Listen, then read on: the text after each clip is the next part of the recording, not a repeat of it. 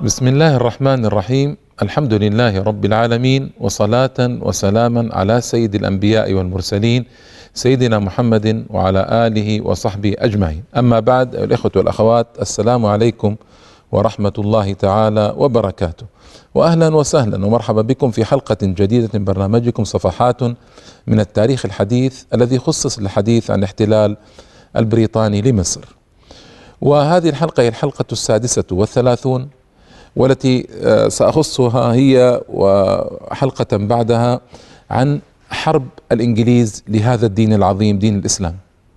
نعم كان الإنجليز متأكدين وعارفين ومستيقنين بأن القوة الوحيدة التي تقف في وجوههم في مصر وفي غير مصر وضد أطماعهم الاستخرابية في البلاد الإسلامية هي قوة الإسلام. يعرفون أن هذا الدين دين حيوي عظيم قوي. مهما بلغت درجة ضعف أتباعه المسلمين في مدة من المدد فإنه يبزغ من بينهم بفضل هذا الدين من يجمعهم ويقويهم ويقف في وجه أطماع أعدائهم. خبروا ذلك خبرة عظيمة عميقة على مدار التاريخ تاريخ الحروب بيننا وبينهم.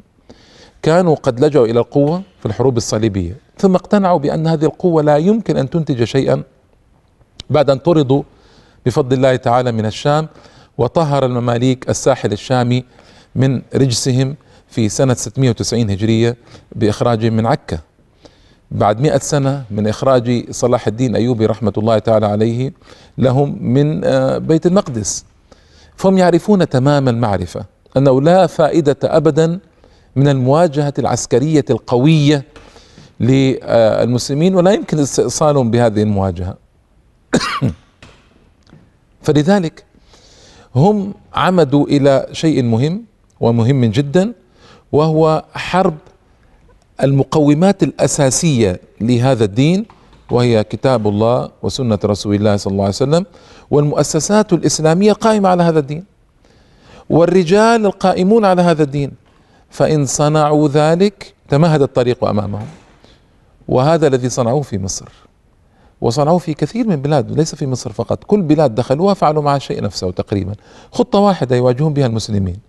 في مصر هم آه، واجهوا هذا الفيض الإسلامي الكبير الموجود في مصر والقوة الإسلامية الكبيرة الموجودة في مصر واجهوا بالطرائق نفسها تقريبا. لم تتغير. آه، ابدا أيها الإخوة. آه، يقول لورنس لورنس طبعا هو رجل خطير ودس الإنجليز دسوه على الشريف حسين في مكة وجعلوه مع ابنه فيصل ابن الحسين وهو الذي أغرى الشريف وابنه بأن يقوما بالثورة العربية الكبرى ضد ضد الدولة العثمانية. وهذا أمر معلوم من التاريخ. لورنس كان له أثر سيء وسيء جدا آه، في إغواء الشريف وابنه وتحويل الدفة من الدولة العثمانية إلى الإنجليز في قيادة هذه المنطقة. والأمر لورنس أمره معروف وخبيث رجل خبيث معلوم حاله. يقول إن الإسلام اسمعوا هو الجدار الوحيد في وجه الاستعمار الأوروبي. ومع تحفظ على كلمة استعمار فإن ما كان رب رب ما كانت دخولها إلى بلاد الإسلام ما كان استعمارا أبدا هو استخراب. لكن هذا أنا أنقل ألفاظه. يقول إن الإسلام هو الجدار الوحيد أمام الاستعمار الأوروبي. ويقول عن خبرة وعلم ومعرفة. فالإسلام هو محرك الشعوب وهو عزها ومجدها وكرامتها و وكل شيء في حياتها. فلذلك هم يعرفون هذا. يقول جلادستون جلادستون طبعا هو كان رئيس وزراء بريطانيا من قبل في أيام بواكير الاحتلال الإنجليزي لمصر وكان عضو في مجلس العموم البريطاني قبل وبعد. فرجل خبير بالسياسة اسمع ماذا يقول. يقول ما دام هذا القرآن موجودا في أيدي المسلمين فلن تستطيع أوروبا السيطرة على الشرق. اسمعوا أرجو أن نسمع ونفهم هذا الكلام. ما دام هذا القرآن موجودا في أيدي المسلمين فلن تستطيع أوروبا السيطرة على الشرق. فلن تستطيع أوروبا السيطرة على الشرق. ولا أن تكون هي نفسها في أمان. فهمتم يعني القضية قضية خطيرة وقوية وتحتاج إلى نظر وتحليل من أبناء المسلمين الغافلين المساكين الذين يغفلون عن أعظم أسباب القوة آه، التي في أيديهم. وهي آه، كتاب الله وسنة رسول الله صلى الله عليه وسلم وتعليم هذا الدين العظيم. آه، كلام طويل. اسمعوا. بريطانيا انتدبت لوردا اسمه لورد كامبل. وهو أحد أعضاء مجلس اللوردات. ليبحث الأمر في هؤلاء المسلمين. كيف نستطيع أن نخضعهم؟ كيف نستطيع أن نجعلهم تحت سيطرتنا؟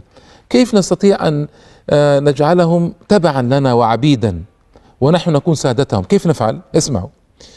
ذهب الرجل وجاس في العالم العربي والإسلامي رجع فقال إن هنالك شعبا واحدا يقطن ما بين المحيط إلى الخليج.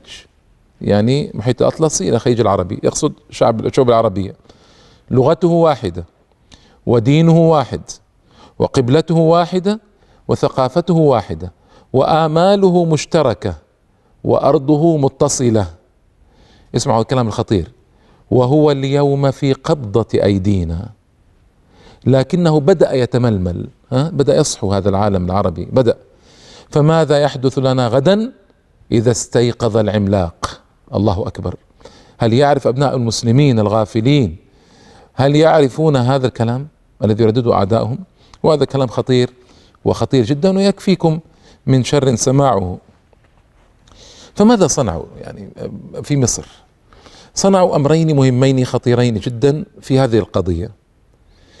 اضعفوا المؤسسات الإسلامية والجمعيات القائمة على آه، الإسلام في مصر أضعفوها وعملوا حركات تنصيرية في مصر.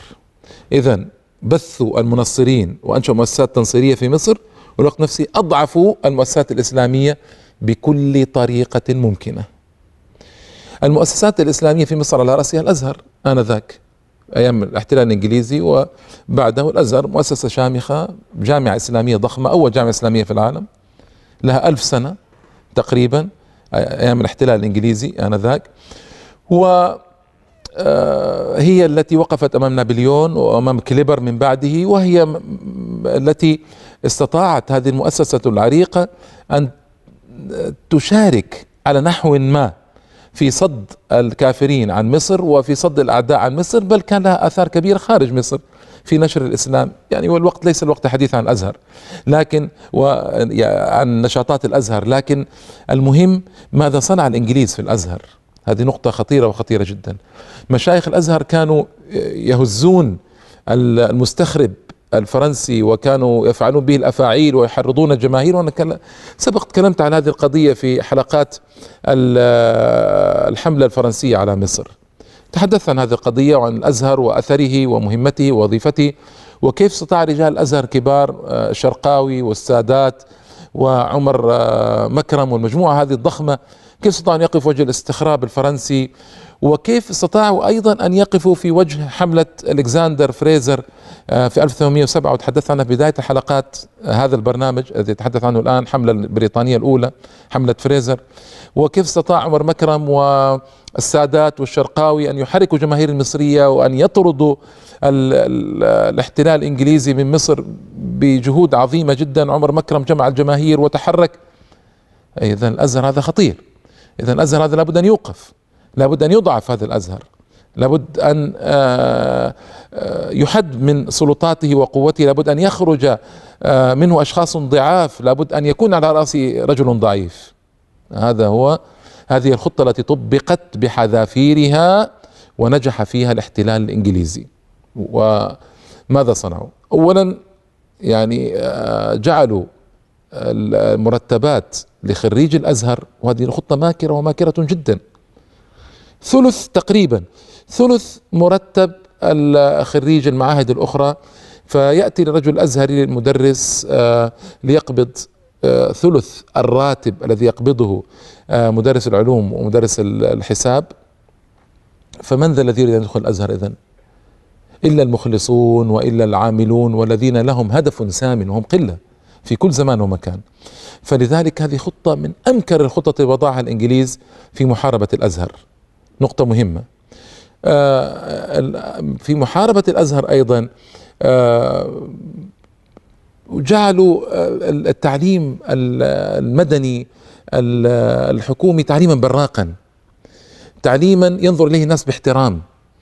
وتعليم الأزهر ينظر إليه الناس بجفاء وباستهزاء وسخرية.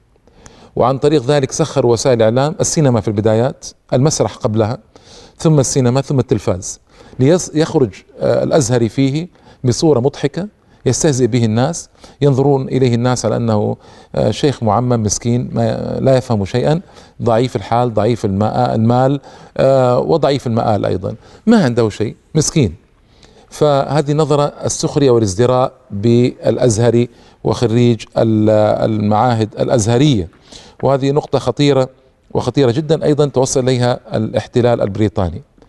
ومن آه، النقاط المهمة أنهم آه، فرغوا الأزهر من مضمونه وقدرته على آه، المواجهة مع اعداء الإسلام. تقريبا تقريبا. لأن هذه النقطة الخطيرة التي شعروا بها في الحملة الحملة الفرنسية والنقطة الخطيرة شعروا بها أيام حملة فريزر الأولى. شعروا أن الأزهر مؤسسة ضخمة قوية تملك القدرة على تحريك الجماهير. وأي شيء يحرك الجماهير لا يريد الاحتلال. فماذا صنعوا؟ عملوا أيضا خطة ماكرة في تفريغ قرارات الأزهر من مضمونها. وهذا الذي أمر سآتي عليه بعد الفاصل إن شاء الله تعالى. السلام عليكم مرة أخرى يا الأخوة والأخوات. بعد الفاصل كنت أتحدث عن مخطط الإنجليز في تفريغ قرارات الأزهر من مضمونها في إضعاف قوة الأزهر في آه، صد الجماهير عن الأزهر. هذا هذه النقطة المهمة التي أراد أن يصل إلى الاحتلال الانجليزي وصل فعلا وصل إلى أن يتفرق الجماهير عن الأزهر ويجدوا أي هؤلاء الجماهير يجدون قوة أخرى يتفون حولها ويعنون بها. وللأمانة أيضا أن المشايخ الكبار العظام الذين كانوا في الماضي ما كرروا كثيرا بعد ذلك. يعني من أواخرهم الشيخ العدوي والشيخ عليش وهؤلاء الذين حضروا الاحتلال الإنجليزي لمصر وكذا لكن بعد ذلك ضعف الأزهر في رجاله الكبار العظام الذين يستطيعون الوقوف أمام الأعداء ومخططاتهم وكيدهم. كان هناك رجال أيضا كبار في الأزهر انصافا لكن كانوا قلة بل كانوا نادرين. وهذا أيضا آه، مؤشر خطير على وضع الأزهر آنذاك. أما تفريغ قرارات فهنا يعني حادثة مهمة. طه حسين. طه حسين عمد عميدا الأدب العربي. طبعا عندي أنه عمد زورا وبهتانا ليس عندي فقط عند كثير من المصريين العقلاء المفكرين الباحثين الذين وجدوا في تاريخ طه حسين كل نقيصة وكل شائنة. فطه حسين وضع عميدا الأدب العربي وزير المعارف و كان له هيبة كبيرة في مصر وكان له هيلمان في مصر. هذا الرجل أضر كثيرا بالإسلام في الحقيقة وألف كتبا خطيره مستقبل الثقافة في مصر وذكر فيه في هذا الكتاب أنه إن أردنا اللحاق بركب الحضارة الأوروبية علينا أن نتبعها في خيرها وشرها حلوها ومرها ما يكره منها وما يحب ما يذم منها وما يرضى به. هكذا بكل جرأة على القيم والإسلام وعلى شرائع الإسلام وعلى التقاليد الحميدة في بلاد الإسلام. ألف كتابا آخر سماه الشعر الجاهلي. هذا كتاب خطير بل في عبارة كفرية لا يناقش في كفرها اثنان. يقول اسمعوا يقول للتوراة أن تحدثنا عن إبراهيم وإسماعيل. وللقرآن أن يحدثنا عنهما أيضا. لكن لا يكفي هذا. دليلا على ثبوتهما التاريخي. هذا كفر. كفر. ويقول أيضا بتبجح عجيب يقول لا نملك إلا أن نجد هناك حيلة في قصة إبراهيم وإسماعيل في ربط العرب باليهود بصورة أو بأخرى. أيقول هذا مسلم يؤمن بالله واليوم الآخر. كل القصص الواردة عن إبراهيم عليه الصلاة والسلام في القرآن وإسماعيل لا تكفي لإثبات أنهما كانا موجودين حقا في التاريخ يقول هذا مسلم يؤمن بالله واليوم الآخر أيها الإخوة والأخوات قضية خطيرة. فلما أراد الأزهر أن يقدمه للمحاكمة وأن يؤاخذه على الذي صنعه اسمعوا ماذا جرى. آه، المندوب السامي البريطاني ذهب إلى آه، رئيس الوزراء في مكتبه وقال له إلى متى هذا العبث؟ إلى متى هذا العبث؟ أي محاكمة طه حسين على الكفريات التي فاه بها؟ يقول إلى متى هذا العبث؟ وأمر بإيقاف المحكمة فورا. فأوقفت طبعا مندوب السام البريطاني وحاكم الحقيقي لمصر. فأوقفت المحاكمة للأسف الشديد. إذا الأزهر فرغت قراراته من مضمونها ولم يعني لم تعد آه، تقوى آه، على مواجهة أعداء الإسلام إن رفضها أعداء الإسلام. هناك قرارات مشت ولأن أعداء الإسلام رأوا أن يعني لابد من شيء من تنفيذ. لكن انظروا إلى هذه الواقعة ما أصعبها على النفوس رجل يسفه الإسلام وتاريخ الإسلام والقرآن وبهذه الطريقة وعندما حورب أوقفت المحكمة وبأمر المندوب السامي البريطاني والمندوب السامي البريطاني آه، طبعا معلوم شأنه معلوم حاله وانه يريد مصلحة بريطانيا لا شك ولا ريب. وهم قالوا يعني بكل صراحة ووضوح أن هؤلاء الأشخاص هم الأيدي والأذرع الحقيقية. للوصول إلى ما يريدون الوصول إليه في مصر أثناء احتلالهم. هم طبعا من مهمتهم ألا ألا يواجهوا المسلمين مواجهة آه، مباشرة إما لكن عن طريق آخرين. أذنابهم زرعوهم وهيئوهم في كثير من البلاد الإسلامية حتى إذا خرجوا هم يعرفون أنهم سيخرجون في يوم من الأيام جاء هؤلاء الأذناب ليقوموا بما لم يقم به الإنجليز أو الفرنسيون أو الألمان أو الإيطاليون بل أبشع من ذلك وأفظع من ذلك بكثير في سلسلة كبيرة من الخيانات والضعف والهوان. آه أهم هناك مؤتمر التبشير التبشير كلمة أنا آسف أنا أخطأت مؤتمر للتنصير التبشير كلمة خاطئة مستخدمة بكثرة في العالم الإسلامي والعربي كلمة خاطئة. هو التنصير وليس التبشير. التبشير آه، إلا إن قلنا آه، فبشرهم بعذاب أليم هذا شيء آخر. لكن تبشير لا هو التنصير.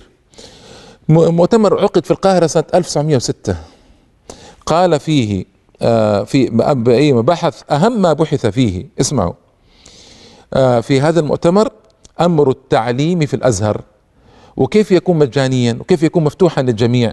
هذا يخالف آه، ما وضعته بريطانيا من خطط ويضاد ما وضعته بريطانيا من مؤامرات وكيديات على التعليم الإسلامي.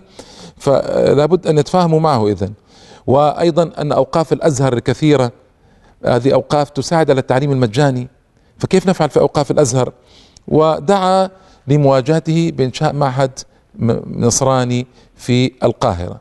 وهذا المعهد أنشئ وترقى ليكون الجامعة الأمريكية في القاهرة. الجامعة الأمريكية في القاهرة معقل ومعقل كبير جدا للتنصير والتضليل وتغيير الأفكار وأنشئ بإزاء الأزهر ليكون مؤسسة إزاء مؤسسة. وهؤلاء القوم ليسوا غافلين مثلنا يخططون ويكيدون للإسلام بأكثر من طريقة. وكرومر نفسه كرومر نفسه كان حريصا كل الحرص بالمناسبة على على هذا الأمر وعلى تفريغ التعليم الديني من مضمونه في الأزهر. اسمعوا يقول جب جب هذا مستشرق مشهور جدا ومعروف وماكر لأبعد حدود المكر يقول في أثناء الجزء الأخير من القرن التاسع عشر الميلادي يعني أيام الاحتلال الانجليزي لمصر نفذت خطة إنماء التعليم الإنماء يعني ارتقاء بالتعليم العلماني غير الديني تحت الإشراف الإنجليزي في مصر والهند. نفذت الخطة. يقر بذلك ويعترف. اسمعوا الخيبة الهائلة. يقول. المنصر زويمر زويمر هذا منصر أمريكي مخاطبا زملائه المنصرين في مؤتمر للتنصير عقد في القدس. أسأل الله أن يرجعها إلى آه، حظيره الإسلام والمسلمين. اسمعوا. يقول لقد قبضنا قبضنا أيها الإخوان في هذه الحقبة من الدهر من ثلث القرن التاسع عشر إلى يومنا هذا. وكان المؤتمر عقد في 1935 يعني في خمسين سنة يقصد على جميع برامج التعليم في الممالك الإسلامية. والفضل إليكم أيها الزملاء. اسمع ماذا يقول. قبضنا على جميع برامج التعليم في الممالك الإسلامية. ماذا يعني هذا؟ يعني الجيل الناشئ في هذا التعليم اللاديني جيل لا يعرف شيئا عن دينه إلا أقل من القليل وهذا هو مراد الاحتلال الإنجليزي في مصر. ومراد الاحتلال الفرنسي في الجزائر وفي المغرب وفي تونس ومراد الاحتلال في كل زمان ومكان. أن ينشأ جيل لا يعرف آه، إسلامه وليس من المهم أن يدخل نصرانية ولا يدخل. كما قال آه، زويمر قال يعني ليس من المهم عندنا أن يدخل المسلمون إلى النصرانيه فهذا شرف لا يستحقونه. اسمعوا شرف لا يستحقونه. لكن مهم أن يخرج من دينه ولا يعود يدين بأي دين. هو هذا هذا الذي يريدونه عين الذي يريدونه. إضعاف المسلمين والإسلام وفي نفوسهم هو آه، من مؤسسات تنصيرية والدعايات الضلال في البلاد الإسلامية. ويواصل يقول زويمر إنكم أعددتم نشأ. اسمعوا. لا يعرف الصلة بالله ولا يريد أن يعرفها. وأخرجتم المسلم من الإسلام. أيوه هذا الذي جرى. في مؤتمر آه، أدنبرا التنصيري عقد عام 1910 يعني قبل 100 سنة من الآن قالت اللجنة الثالثة التي كانت تبحث في الأعمال المدرسية التي يقوم بها المبشرون اسمعوا اتفقت آراء سفراء الدول الكبرى في عاصمة السلطنة العثمانية أي في إسطنبول على أن معاهد التعليم الثانوي التي أسسها الأوروبيون كان لها تأثير على حل المسألة الشرقية. يرجح يرجح هذا التأثير على تأثير العمل المشترك الذي قامت به دول أوروبا كلها. يعني سفراء الدول الكبرى في إسطنبول متفقون على أن العمل الذي قامت به هذه المعاهد التنصيرية المعاهد الدينية ذات الصبغة الدينية العلمية هذه لها تأثير أضخم من كل التأثيرات التي قامت بها دول أوروبا كلها في المنطقة. رأيتم؟ الكيد العجيب. وطبعا كيد مرتب ومنظم وموجه للمسلمين في مدة من أضعف مددهم وهي أواخر القرن الثالث عشر هجري وأوائل الرابع عشر أواخر التاسع عشر ميلادي وأوائل العشرين الميلادي مدة من أضعف مدد التي مرت على المسلمين.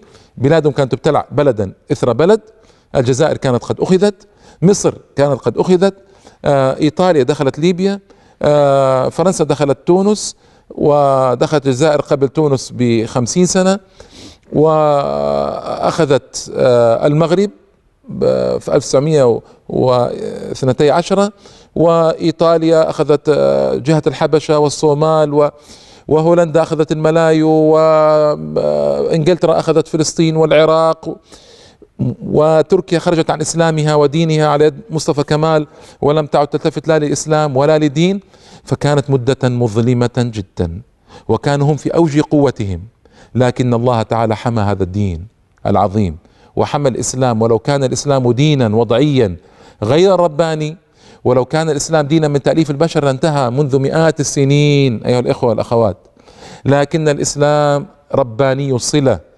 الإسلام له رب يحميه وهو الله جل جلاله وكتابه غير محرف وكان يبعث الحيوية والقوة في نفوس المسلمين دوما وأبدا دوما وأبدا. وفي مدد الضعف هذه شديدة الضعف ليست الضعف فقط كان الله تعالى يحمي المسلمين ويرد كيد الكافرين كما قال الله تعالى إن الله يدافع عن الذين آمنوا. ان الله يدافع عن الذين امنوا. ان الله لا يحب كل خوان كفور. فالله سبحانه وتعالى دافع عن المسلمين وحفظ لهم دينهم إلى أن قام منهم. من أعاد لهذا الإسلام رونقه وبهجته وجلاله وعظمته فيما جاء بعد ذلك من الدعاء والجمعيات والجماعات الإسلامية التي انتشرت في القرن الرابع عشر الهجري بفضل الله تعالى عشرين ميلادي. و وكان لها أعظم الأثر في إرجاع المسلمين إلى دينهم من جديد.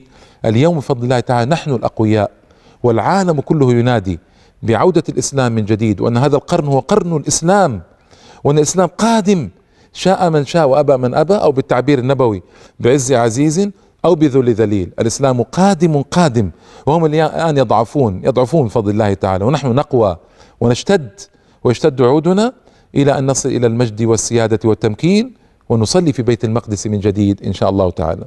يكفي هذا هنا في هذه الحلقة، الحلقة القادمة سأتحدث إن شاء الله تعالى عن التنصير الذي مارسوه في مصر وهو خطير وخطير جدا وأيضا يدل على أن الله حافظ دينه وإلا لذهب هذا الدين لولا الحفظ الالهي الرباني. آه إنا نحن نزلنا الذكر وإنا له لحافظون. إلى اللقاء والسلام عليكم ورحمة الله وبركاته.